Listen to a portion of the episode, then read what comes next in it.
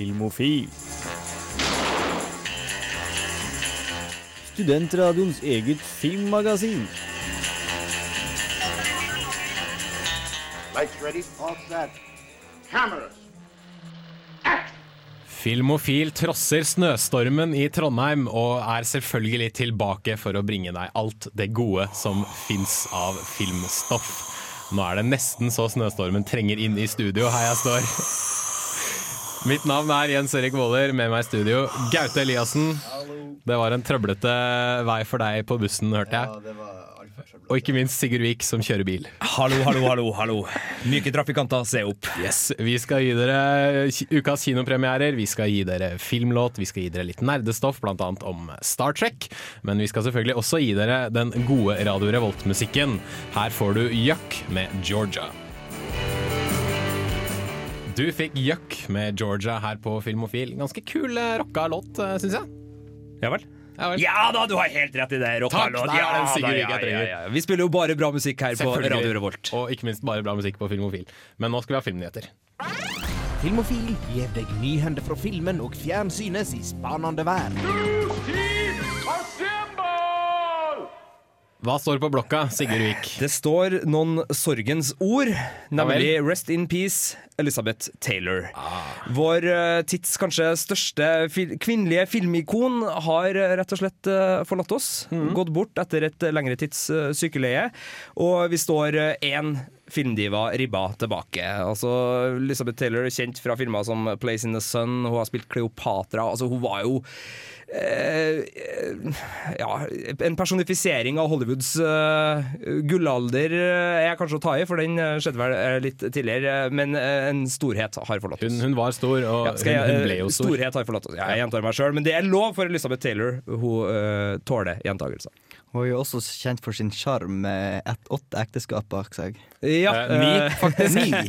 Og eh, nå skal man jo ikke eh, le av de døde, men hun, hun hadde et ansikt som, som gjorde at eh, det, kunne vært flere ekteskap, rett og slett. Hun var smellvakker.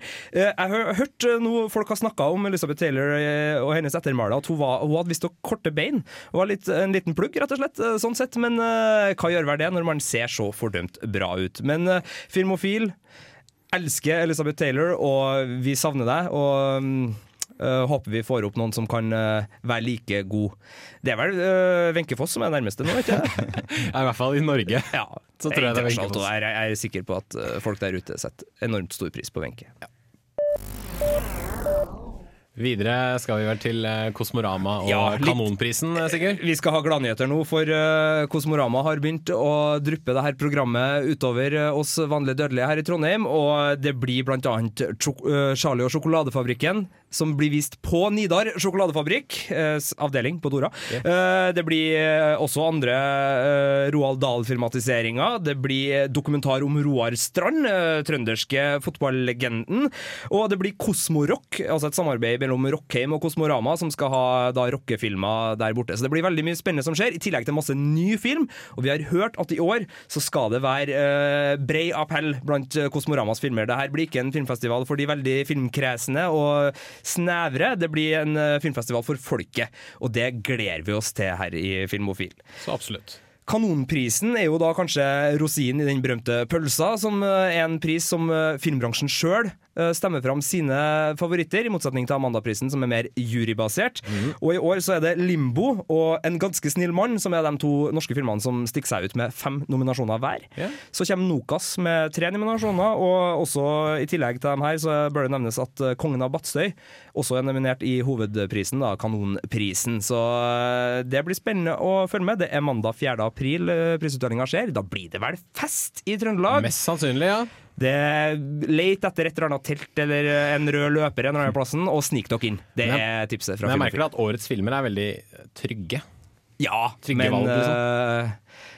Det det, det, gjen, det speiler vel eh, på mange måter norsk filmproduksjon eh, i den tida som har vært de siste årene. Eh, Det er mange, og det er veldig mange av dem som er veldig trygge. Nå tok jo Pax en råsjans, tydeligvis, for den har jo floppa forholdsvis bra så langt etter premieren forrige uke. Men nei, det har vært et trygt filmår. Altså det, det er jo ingen av de tre filmene, altså Limbo, En ganske snill mann og, og Nokas, som er Oscar-kandidater eh, på sett og vis, men eh, i, i vår personlige mening her i Filmofil, men, men tålelig bra. Ja.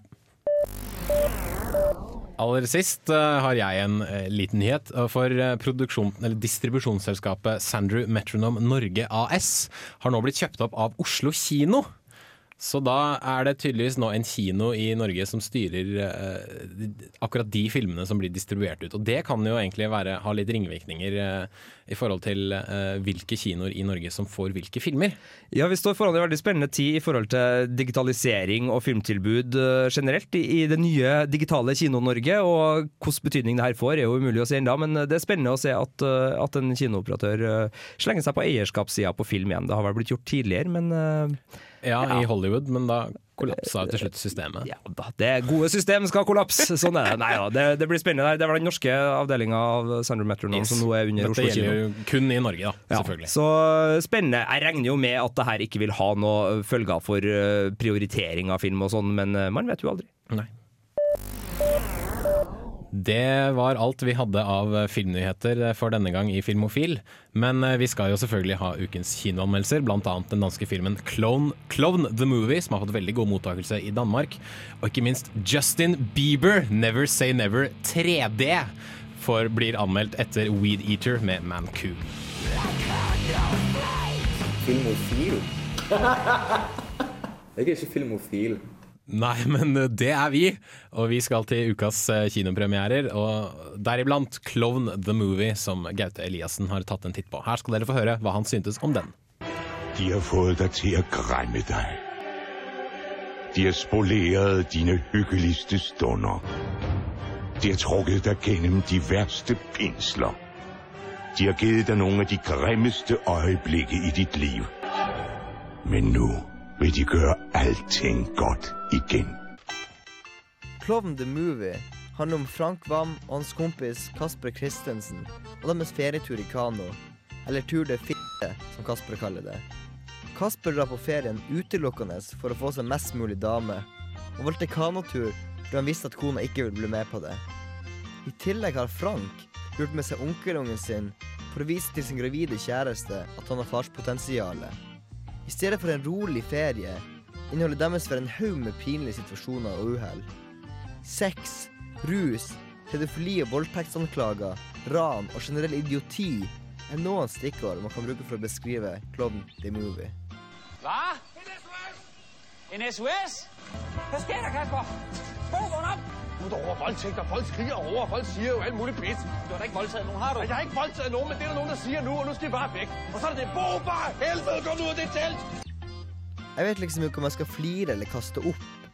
Klovnen er som en bilulykke der du vet at du ikke burde stirre, men likevel ikke klarer å ta øynene dine bort fra åstedet. Dette er nok det drøyeste jeg har sett siden Borat, men filmen her er muligens enda mer vulgær og blotta for grenser. Man kan på mange måter bruke filmen som en guide til å gjøre riktige ting i hverdagen, men gjøre akkurat det motsatte av det Frank og Kasper finner på. Fætter Andreas og påstår, at Mia er gravid. Påstår ikke, hun er gravid. Ja, så vet du noe jeg ikke ved. Jamen, kuk, Andreas. Hva?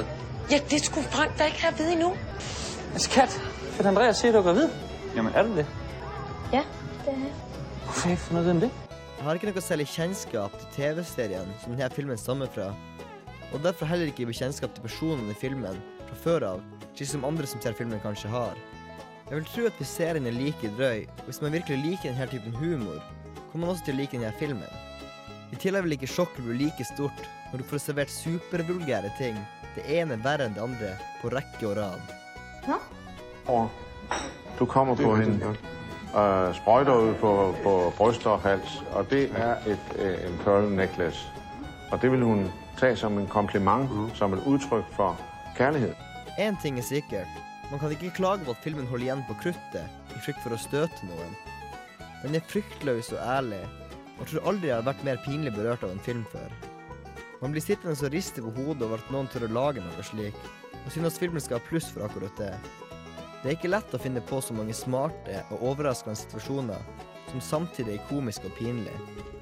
Ah, ah, ah. Hvad Hvad laver du? Hvad hjelp, det? Hjælp! Nej, hjælp, hjælp! Au! Jeg, jeg tror du lå der, skatt. Likevel syns jeg at ting iblant er i overkant vulgært, og at fokuset ligger mer på at ting skal være groteskt i stedet for artig. Derfor er det bra at filmen inneholder noen få øyeblikk der det skjer noe fint og godt. Det hjelper liksom å balansere litt på den ekle følelsen man sitter igjen med etter å ha sett filmen.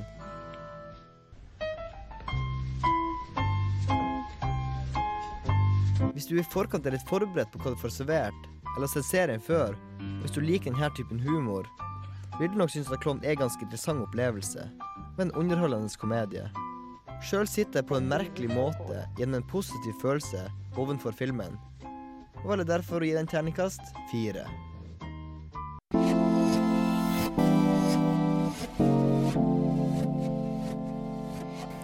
Jeg er eh, Agnes Kittelsen, Og jeg er Aksel Henning.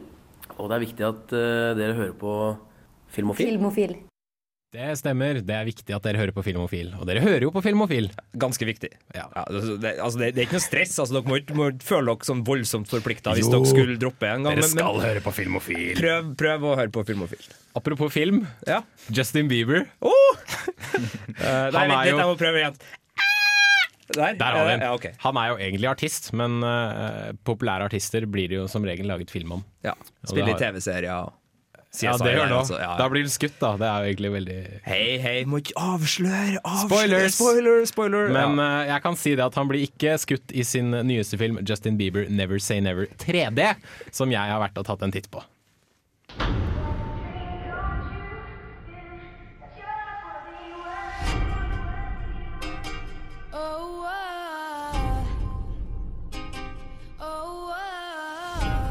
I've been a fan of him from when he posted his first video, and I'll be his fan till he posts his last video. Justin Bieber. 17-åringen som ser ut som han er 14 og høres ut som han er 12, hvis popkulturelle status best kan oppsummeres slik. Filmen forteller om Biebers spede begynnelser på ulike talentkonkurranser i Canada og hele veien til et utsolgt Madison Square Garden i New York. Her satt det mest sannsynlig ikke en eneste mann i salen. This. This.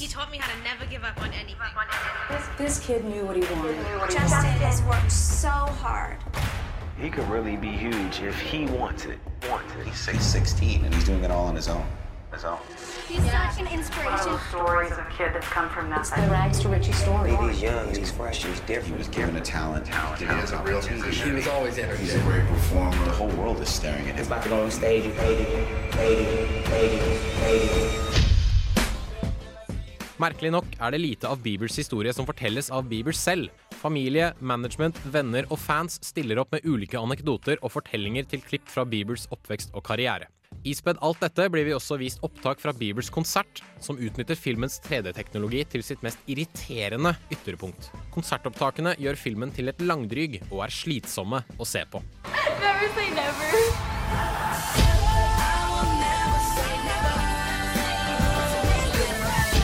I used to play here too. Don't always follow your dreams, okay?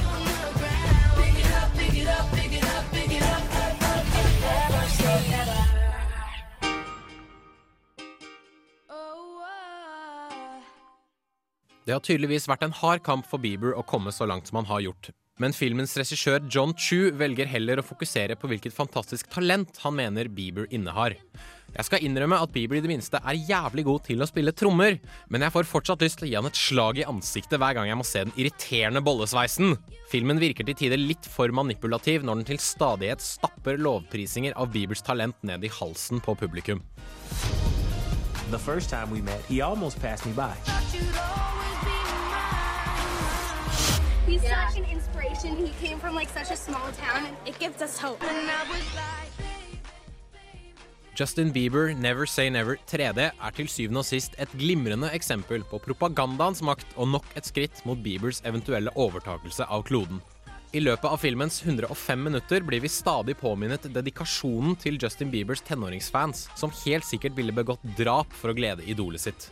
Filmen i seg selv er godt teknisk utført til tross for masete 3D-effekter og kjedelige konsertopptak.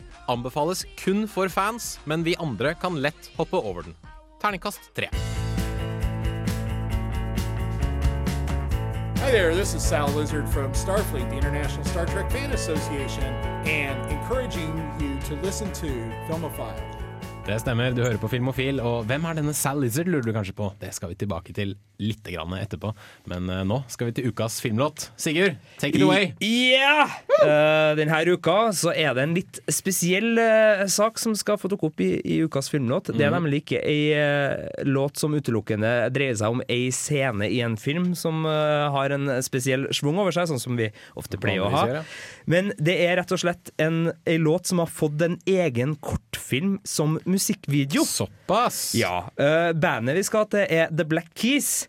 Det er et band som eh, har laga filmmusikk til alt fra Cloverfield, Zombieland, School of Rock. Altså, De brukes ofte. Det er et sånt litt skitten eh, bluesband som eh, lå og ble assosiert med White Stripes opp gjennom de siste årene. Altså, de lager korte, riffbasert, tøff musikk med skikkelig grom lyd. De har vært i en battle med bl.a. Vampire Weekend om hvem som har laga flest reklamelåter. For de bru- brukes veldig flittig i type bilreklamer og sånne ting. I tillegg til at jeg tror altså, hele den siste albumet deres har vært i bruk i CSI, for eksempel. Altså, det, det er utrolig mye brukt i, i film og TV. Men eh, siste låt ut da, så fikk jeg en egen filmtrailer som video. Og det her er litt i Tarantino-ånd. Det er en filmtrailer for en film som ikke eksisterer. Litt sånn Og- gr- grindhousey Og filmen er nesten Kill Bill. Altså det, det handler om et kvinnfolk som er på hevntokt etter at hun, øh, faren hennes blir myrda når hun er lita jente. Uh, skuespillerlista er flott. Altså Her har du Corbin Berntsen, kjent fra LA Law og Aha. Major League-filmene, for dem som er glad i Charlie Jean og baseball. Og det er Sean Patrick Flannery fra Boondock Saints, blant annet. Det er Trisha Helfer fra det her eh, Battlestar Galactica. Battlestar Galactica. Og det er Todd Bridges. Fantastisk pent kvinnfolk. Uh, Ja, hun spiller da den der hevnhjertige Bertha som fer rundt og tar hevn. Selvsagt. For der. Og så har du snowboard-esset Sean White som en av hennes elskere. Men uh, altså, det her er bare steinbra. Altså, musikken her er fantastisk. Låta heter 'Howling for You'. Filmen heter 'Howling for You'. Bandet er The Black Keys. Og det her er bare å stikke på internett og se, for det er drittøft. Og det er steinartig. Kos dere. Black Keys, ukas filmlåt.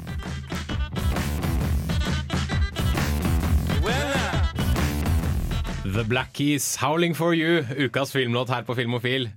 Det Sig- Sigurd liker det. Han sto og dansa i studio under hele låta. Det er gøy. Det er godt.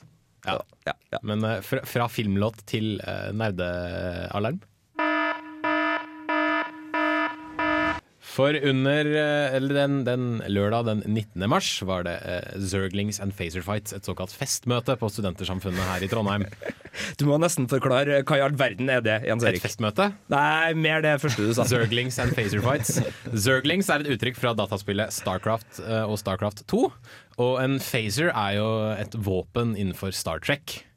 Og uh, Sal Lizard, eh, som kommer til å introdusere seg selv i dette intervjuet vi kommer til å spille av, uh, gjestet Storsalen i Samfunnet for å snakke om Star Trek og fankultur. Space, the final frontier. These are the voyages of the Starship Enterprise. There's a book that uh, somebody wrote that said everything I needed for to learn about life I learned in kindergarten, and somebody said there should be a book out that says everything I wanted to know about life I found in Star Trek. My name is Sal Lizard. I uh, immediate past president of Starfleet, the International Star Trek Fan Association. I'm an actor and a, and a comedian and a film producer. Lørdag den 19. mars var det duket for festmøte på Studentersamfunnet i Trondheim. Og denne gangen skulle vi tappert reise dit ingen har reist før. Sal Lizard, presidenten av Starfleet, verdens største Star Trek-fanklubb, ble beamet inn fra USA for å snakke om de finere punktene ved science fiction og Star Trek. Et popkulturelt fenomen med millioner av fans. I think generally with science fiction, everybody loves the idea that anything is possible and nobody knows what the future will hold. So, the one thing that science fiction does is that it basically reinforces that idea that anything is possible. Now, Star Trek, even though it was set in the future, it dealt with a lot of the problems of today that most people could relate to. Science fiction som algorier for samtidens problemer er absolutt ikke et nytt fenomen, men det er fortsatt mye vi kan lære av sci-fi. One is that there's always possibilities, you know, um, and I don't think you should ever give up. The one thing that all of the successful sci fi has in common, I think, is the fact that if you give up, you're done. But if you just hang in there and, and do what it takes to survive, there's always a chance. Nerder og nerdekultur har i det siste blitt big business. Selv Star Trek fikk en slags gjenoppvåkning i 2009, da JJ Abrams laget sin reboot-film. Det har nesten blitt litt kult å være nerd. I tell people now, you know, when people say, "So you were a little bit of a geek," I say, "Well, hell, I grew up to be a get a master's in computer sciences, and I'm not only the card-carrying member of Starfleet, the International Star Trek Fan Club, but I'm the president. I'm the head geek. So yes, it is an honorific for me." Og mens vi er inne på temaet reboot, lurer mange sikkert på hva The Head Geek syntes om Star Trek-filmen fra 2009, en film som skapte kontrovers blant en del trekkies. I loved it myself. A lot of people didn't like it because it didn't follow, but that was the whole idea of reboot. Was you know, so so many fans get locked into. You hear the word that's not canon, you know, and all of that. You hear that phrase. The one thing that uh, I think is sci-fi, if you're to a purist, does not lock you into any train of thought or any particular path. The idea that if your mind can conceive it somewhere, it probably exists, you know, uh, is kind of cool. And so, see, so many of the kids that today that I've had an opportunity, I, I used to substitute teach, and I, I've been, uh, uh, you know, with involved with Boy Scouts and things like that in my in my history. And the one thing I always try to teach children is no matter what your circumstances are now, you know, at some point that's going to be in your past and you can walk away from it. Og er du Star Trek-fan, har Sal dette tipset til deg. For those that listen to this that are into Star Trek, I would like to plug uh, the organization, uh, Starfleet, the International Star Trek Fan Association. This would be Region 9. You know, if anyone's interested in joining, you can find out more about the organization at SFI, short for what used to be called Starfleet International. So it's sfi.org. It is a great organization, and uh, I would encourage anybody who's interested to check it out.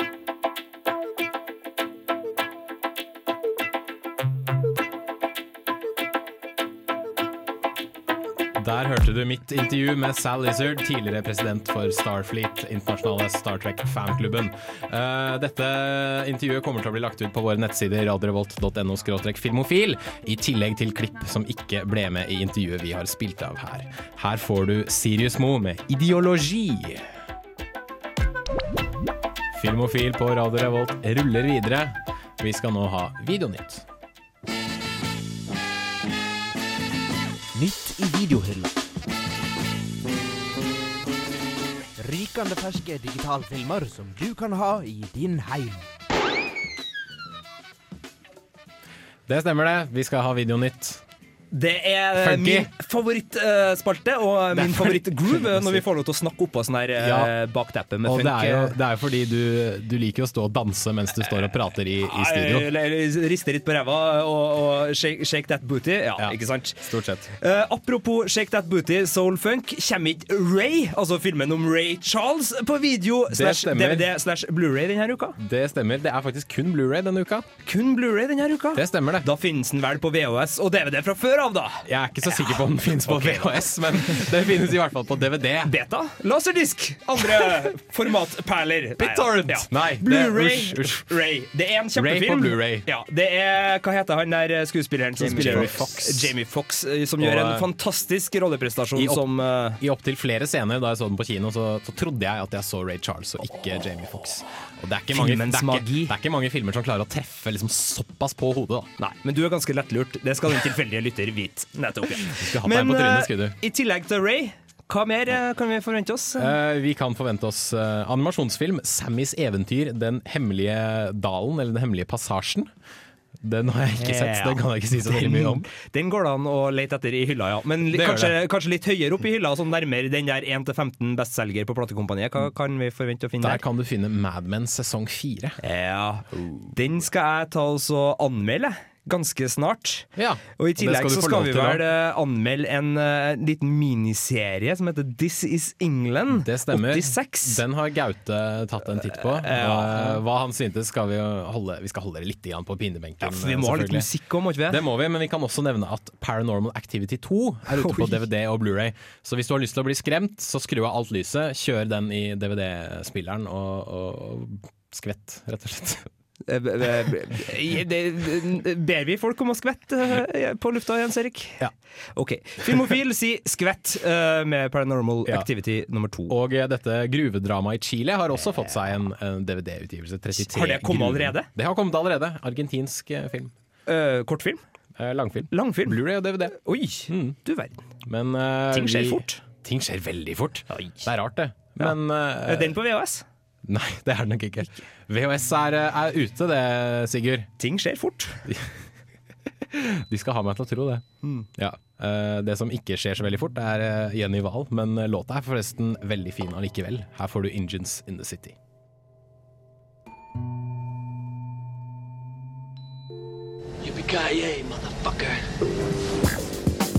Du lytter til Filmofil på Radio Revolt. Besøk oss gjerne på våre nettsider på radiorevolt.no filmofil. Der finner du meldinger av kino- og videopremierer, og i tillegg podkast av alle våre sendinger. Har du ris eller ros, tips eller triks, kontakt oss gjerne på elektronisk post.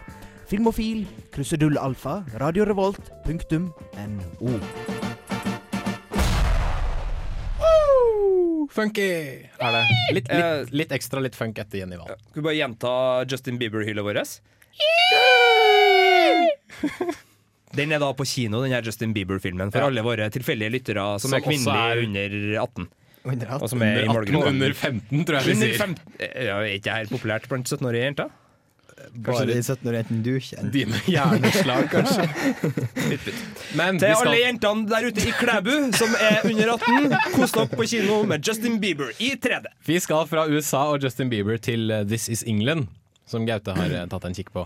Og så vidt jeg har skjønt, så er dette en, en miniserieoppfølger til en eh, film. Ja, filmen med samme navn. Som, der er tre år etterpå, der vi følger den samme gjengen. Ja, I- det er Shane Meadows som er regissør, en Ja. sånn britisk realismefilmskaper som laga disse singlene i 2007, som var en Ja. eh, kritikerrost eh, film. Ja. Og nå kommer mini-TV-serien. Mm. Det samme. Hva er greia? De er liksom, blir litt mer seriøse. De er liksom skinheads da og gjør opprør og greier. Nå er de litt mer rolig, men de er fortsatt samme gjengen i lag. Som lever liksom sånn, Noen har fått seg jobb, noen, de, de, de er fortsatt en gjeng da de fleste er arbeidsløse. og De gjør litt ugagn og lever litt sånn fritt på en måte. Det er litt det at uh, plutselig så truer voksenlivet eh, etter, eh, etter en uh, tilsynelatende fri og frank ungdomstilværelse.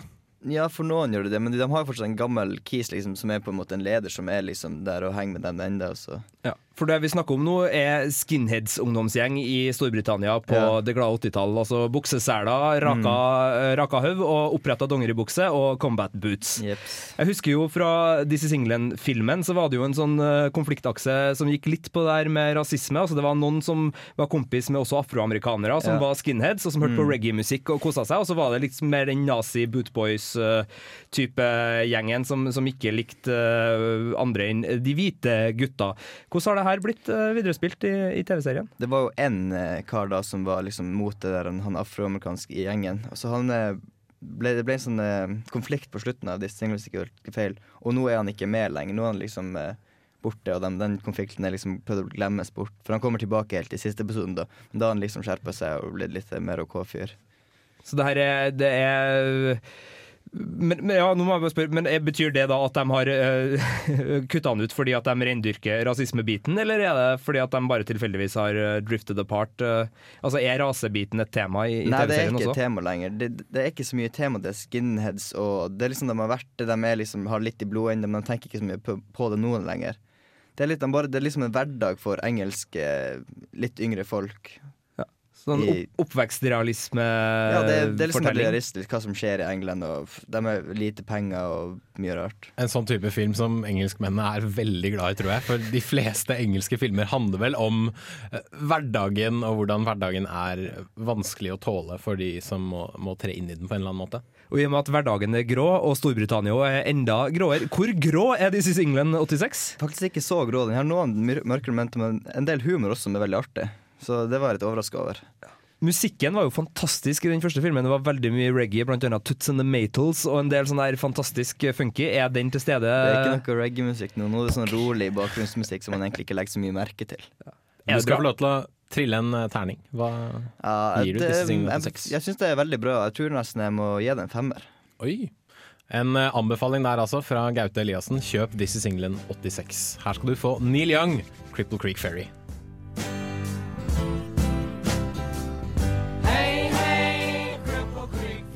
Du hører på Filmofil. Vi snakker fortsatt eh, DVD, Blu-ray-premierer.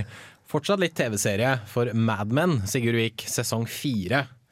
Det er ute.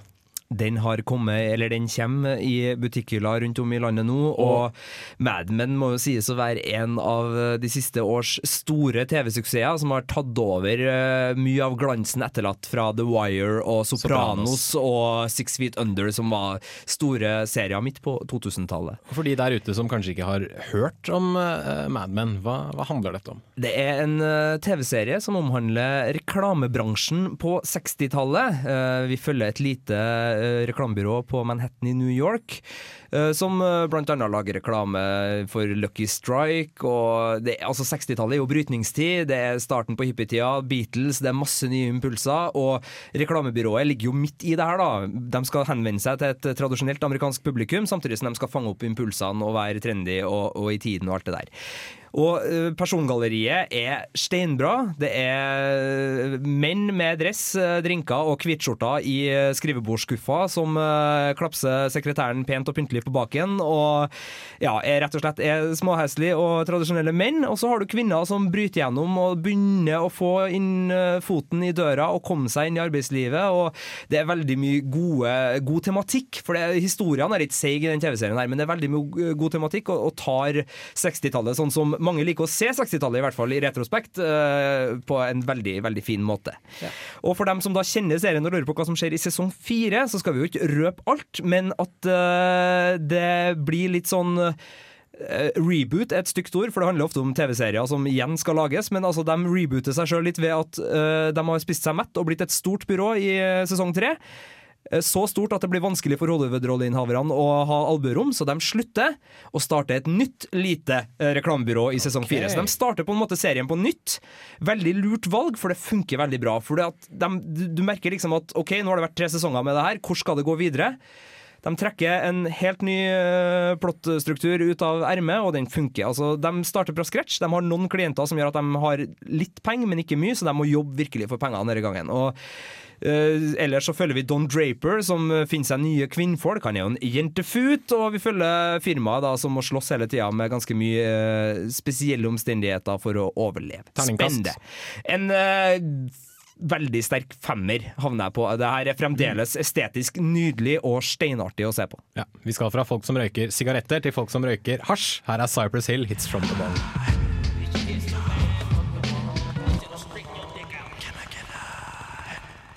Cypress Hill, 'Hits From The Bong'. De har sampla Dusty Springfield sin 'Son of a Preacher Man', som også var med i Quentin Tarantinos eh, Pulp Fiction.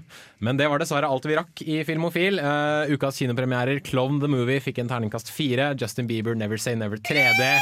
Fikk en treer. Filmofil anbefaler TV-seriene This Is England 86 og Mad Men sesong 4. Egentlig hele Mad Men anbefaler jo vi selvfølgelig. Takk til Gaute Eliassen, takk til Sigurd Vik, takk til meg, Jens Erik Våler, takk til tekniker Bendik Bolme.